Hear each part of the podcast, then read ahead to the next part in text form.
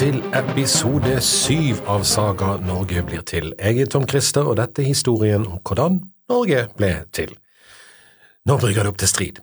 Hordajenten Gyda har gitt Harald ideen om å bli konge over hele Norge, og Harald har sverget på å ikke klippe seg eller kjemme håret før det har skjedd. Et en frisørs mareritt har våknet. Hans gode onkel Guttorm støtter han og er vitne for eden om at Harald skal samle Norge eller dø i forsøket. Hvor vakker var egentlig denne Gyda? Hun må ha vært utrolig flott for å drive Harald til dette, eller nei, det må hun vel egentlig ikke. Harald må bare ha vært omtrent like kåt som enhver 14-åring, øh, som enhver 14-åring med et kongerike og en hær. Nå hadde de to kompanene Guttorm og Harald sett seg sør, øst, vest og nord for å finne et godt angrepspunkt for å samle landet. I sør var det daner, i øst var det ingenting av interesse, det var jo egentlig et um, annet slags land, utenom en sterk svensk konge, mot vest var det litt for kronglete å komme til sånn med en gang, og dermed sto det egentlig bare ett alternativ igjen, nord og Trøndelagene. Og Trøndelagene var spesielt interessant, for det var Norges kornkammer på denne tiden, det er vel kanskje til en viss grad fortsatt, og det var egentlig det tettest befolkede området i Norge. Når en ser det noen eh, år seinere på Håkon den godes Leidang, så er mesteparten av Leidangen faktisk, altså det vil si de skipene som skulle mobiliseres ved krig, i Trøndelag. Der kunne de gå ned, Harald og Guttorm, og slippe å bli utfordret på flankene, og der var det mulig å komme til. Det fantes noen av de rikeste jordbruksområdene i landet, og kontrollen med den lønnsomme Hålogalandshandelen. Angrepsretningen ga dermed seg sjøl, fra sør og nordover. Med ryggen fri hele veien kunne de skjære ned dalene til sjøen. Best av alt, de kunne komme overraskende på. Trønderne ventet ikke at noen skulle komme over Dovre med en massiv styrke. Nei, Bartelandet levde lykkelig uvitende. Og det var jo gale, Mathias. Det var ikke uvanlig å dra over Dovre til sommerstid, det hadde folk gjort til uminnelige tider. Mest sannsynlig fulgte de omtrent den ruten E6 følger i dag, som i hvert fall en av rutene.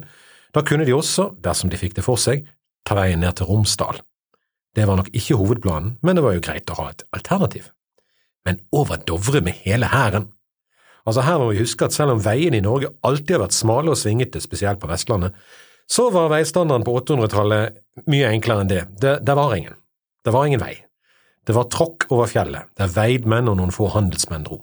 Opplendingene hadde en del jern, som ble kalt deres gull, som kanskje av og til ble fraktet over ved hjelp av sterke rygger og pakkhester. Været over kunne være lunefullt, selv på sommerstid, som du sikkert har oppdaget når du har forsøkt å kjøre på ferie over Dovre.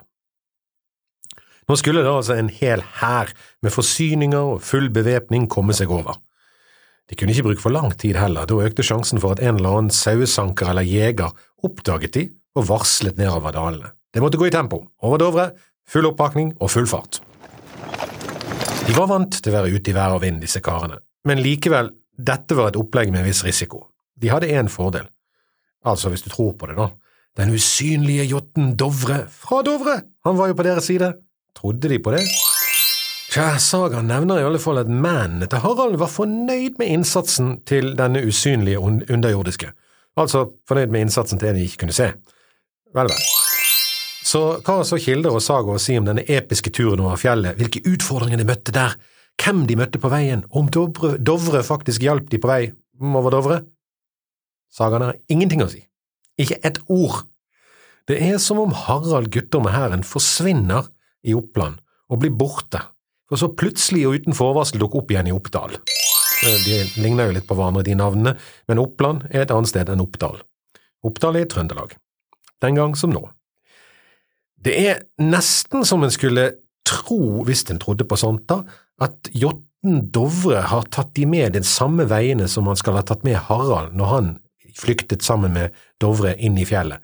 Inn under Jotunheimen og ut på Oppdal. Og det er ting som tyder på at den turen har slitt på humøret. Kanskje har hæren reist uten forsyninger for å komme fort fram, hmm, kanskje ble det litt uh, gnisninger med jottene inne i fjellet, eller oppå fjellet kan det ha vært lite mat å finne, sannsynligvis.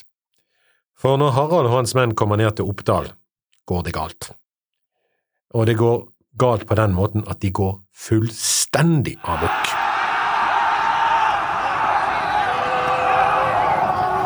De har planlagt å komme overraskende på, og det gjør de. Hva det er som får de til å gå fullstendig av hengslene, er ikke godt å vite. Er de forbannet, sultne og trøtte og orker ikke noe annet? Eller har de fyret hverandre opp på veien over fjellet med historier om hvor mange de skal drepe, og at det dermed er blitt en slags massepsykose? Eller var det et spesielt eh, fruktbart område med fleinsopp i nærheten? Eller er de rett og slett redde for hva som skal skje? De er jo langt hjemmefra og har hørt mye om sterke og rike trøndere. Åkke sånn. De dreper og brenner for fotet. Hadde det ikke vært en norsk saga, hadde nok historikerne kalt det for det det er, en massakre. Alle menn i bygden blir drept. Sagaen antyder at det var overlagt. Harald lot drepe ved ordvalget. Kan det tenkes at det er planlagt? Kan det tenkes at Harald og gutter med datidens svar på vel, uten sammenligning for øvrig, Synk og Geirmyden Kise, at de faktisk har forutsett hvordan dette ville fremstå for datidens omverden? At denne berserkgangen faktisk er overlagt og veloverveid for å sette Guds frykt, uh, unnskyld, Odins frykt i hele Trøndelag. Det er i hvert fall det som skjer, de skremmer vettet av trønderne. Og det er kanskje ikke så rart. Ned fra fjellet en morgen kommer en flokk berserkere ut av ingenting og dreper for fote. I bygdene rundt ryktes dette fort, og ryktes det ikke, så kommer etter hvert de få overlevende løpende ned dalen. Ennå vet ikke egentlig folk hvem dette er, men de tar ingen sjanser. De som kan, flykter unna helt ned til Orkdal eller inn i Gauldal. De som ikke når det, flykter til skogs, og de tar med de som kan gå, og det de kan bære. De få som blir igjen, tar ikke opp kampen lenger. De sverger troskap til Harald i dalen. De gir opp. De tør ikke. Det kan høres ut som en lett måte å slippe unna på, men det, det er ikke det. Gjør en det, forventes en å slåss for Harald og sørge for mat til troppene. Trønderne ellers flykter til Orkdal, og Harald følger etter. Dette er en kalkulert risiko. Flanken åpner seg nå mot Gauldal, der mange også flykter inn. Dette er kanskje øyeblikket da Harald kunne vært stoppet. Et angrep fra siden, koordinert med det motangrepet som eh, en ny konge vi nå skal bli kjent med, nemlig kong Gryting, nå forsøker å organisere nede i Orkdal, kunne ha stoppet eller svekket Harald så mye at han måtte satt tilbake over Dovre men det var ingen overkommando eller koordinert innsats. Tvert imot, her var det hver mann, stor og liten, for seg sjøl. Inntrykket forsterkes av at trønderne er helt uforberedt på angrepet, og ikke minst uforberedt på nivået på aggressiviteten til disse østlendingene. Der kommer ingen motangrep fra flanken. Alt står nå og faller på kong Gryting i Orkdal. Orkdal er full av rykter og full av flyktninger. Folk fra Oppdal og nordover har søkt tilflukt her. Kong Gryting mobiliserer og samler sammen sine egne menn, og han samler også sammen de av flyktningene som fortsatt kan stå og bære et sverd, og de han kan overtale, eller de han kan tvinge. Har Gryting oversikt og skjønner hva som kommer, eller tror han det bare er et vanlig reid fra en gruppe berserker? Det han har å bygge på nå, er rykter og fortellinger fra de som har flyktet. Leser en sagaene får en inntrykk av at dette var en tid da folk var relativt knappe og lite utbroderende. Sånn var det nok ikke utenfor det skriftlige, men det var nok et ideal å fatte seg med få ord. Likevel, de tøffe, la oss kalle de vikingene som nå har rømt som skremte gjess, de må jo på et vis forklare hvorfor, og det er ingen grunn til å tro at de ikke ga inntrykk av at Haralds hær var minst så stor som den egentlig var. Det kan minne litt om Talibans innmarsj i Kabul. Motstanden smelter vekk foran Harald, og det går selvsagt også her rykter om den beleilig usynlige, magiske jotten Dovre. Samtidig som alt dette foregår, har Gryting hendene fulle, altså kong Gryting, med å ta hånd om flyktningene som har kommet ned dalen. De skal etter skikken av både husly og føde, en skal også ta hånd om sårede og døende, i tillegg, hva med, hva med avlingen, hva med høstingen? Dette er kornlandet, her står kornet nå høyt allerede. Skulle krigen komme nå, er faren stor for at vinterens mat og det som skal brukes til å bytte til seg andre varer, går med i dragsuget. Enten blir det spist opp av hæren som kommer og invaderer, eller så blir det bare brent eller ødelagt i krigshandlingene.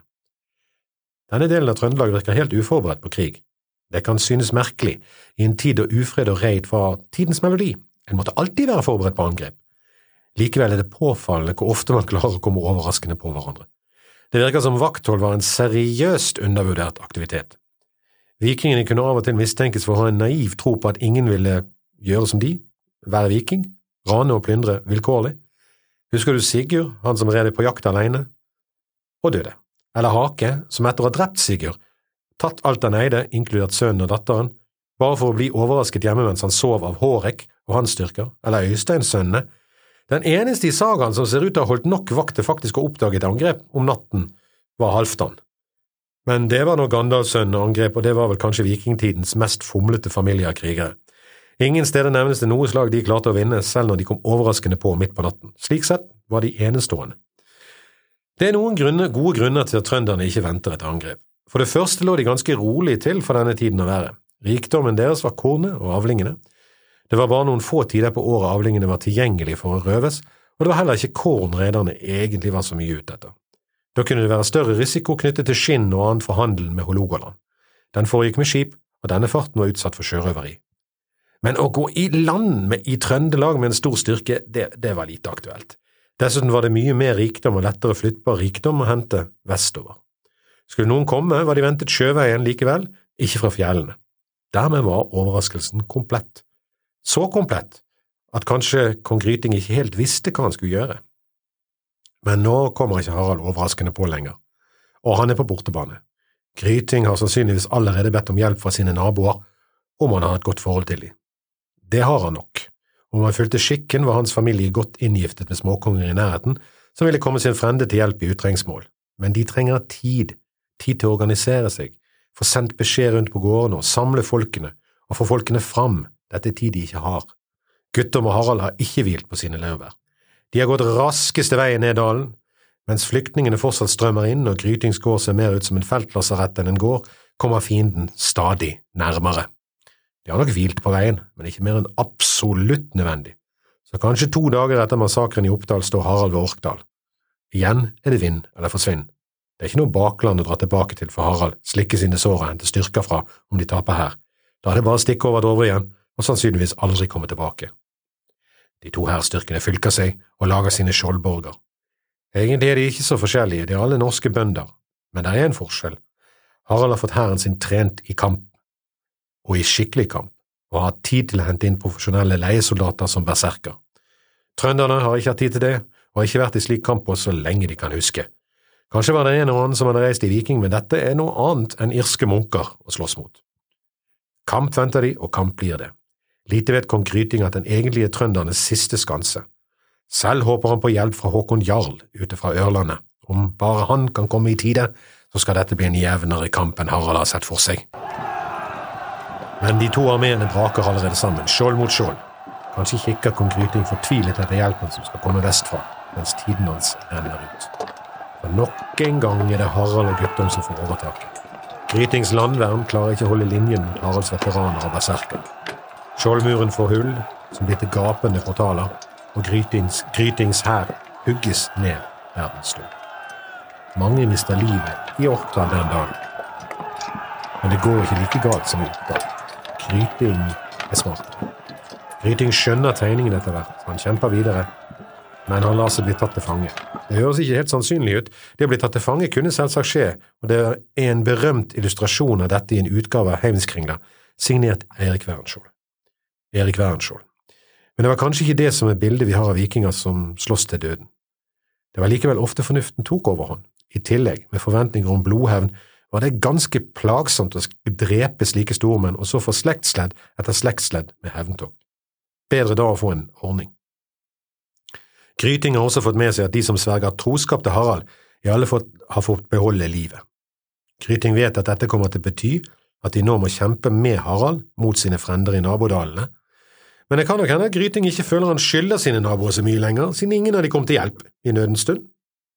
I Wernskjolds bilde føres en bakbundet, barhodet Gryting frem mot kong Harald og hans generaler og hird. Likbålene og bygdene brenner i bakgrunnen. Døde kropper ligger strødd på markene, og noen har allerede begynt å fordele krigsbytte. En mor kommer løpende med det som ser ut som et spedbarn på hånden, på armen. Kongen står ved siden av det som ser ut som kan være hans nestkommanderende guttom, og banneret hans flyr bak ham. Riktignok ser det mer ut som en slangeemblem enn en ravn, men det er en ravn. Kongens hår flyter ut under hjelmen, og han peker på Gryting som han ber sine menn løse ham fra båndene. En av Haralds menn bøyer seg frem og ser ut som han knytter opp tauene som Gryting er bundet med. I dette øyeblikket er det Gryting gir, seg for overmakten og sverger troskap til Harald. Med ham går hele Orkdalen og orkdalsfolket under Harald. I praksis har nå Harald slått en kile fra Dovre via Oppdal og tvers gjennom Trøndelag, og nærmest delt i to. Med dette har han også skaffet seg en lang og sårbar flanke. Midt i den flanken ligger Gauldalen, et av Norges lengste dalfører, og regnet som et eget fylke på denne tiden. Faktisk var det et eget fogderi og senere egen stortingskrets fram til 1918, men det er en stund til ennå. Men det er nå det skal avgjøres om dette blir en del av Norge. Mange har som sagt flyktet inn hit etter Haralds første angrep. Men det er skumle rykter også. Det spørres at Håkon Jarl ute fra Ørlandet har samlet menn i skip som nå er på vei inn fjorden. De kommer raskt når de først kommer i båtene sine, og nå stevner Håkon Jarl og hans skip inn fjorden. Kommer de for å angripe, eller kommer de som venner? Håkon Jarl har godt utsyn fra sitt skip, han kan se røyken stige opp fra hus som er satt i brann, og han kan se røyken fra likbålene. Skal han angripe, eller skal han underkaste seg? Hva vil tjene ham best? En konge over han, eller en kamp for friheten? Lignende tanker går nok gjennom Haralds hode. Blir det ny kamp, er hans nå slitne tropper klar for kamp allerede? De tar ingen sjanser, folk gjør seg klar. Men gutter med så rolig som han alltid er, det glimter i spyd og skjold fra skipene, og Harald griper mot sverdet klar til å møte det som kommer. Og det var det for denne gangen. Takk for at du lytter til denne podkasten, det var episode sju. Du kan sende spørsmål eller kommentarer til tom.christer.gmail.com. Neste gang får vi kanskje vite hva som skjer når Håkon Jarl gjør landgang i Trøndelag. Vi avslutter med et vers fra Håvamål, et godt råd om at det er godt å bli tenkt godt om, men ikke stol på at det holder. Sel er den som seg munn vinne. Fagre ord av folk, ennå er det ymist med det du eier i annanmanns barm, og det må Harald tenke på nå.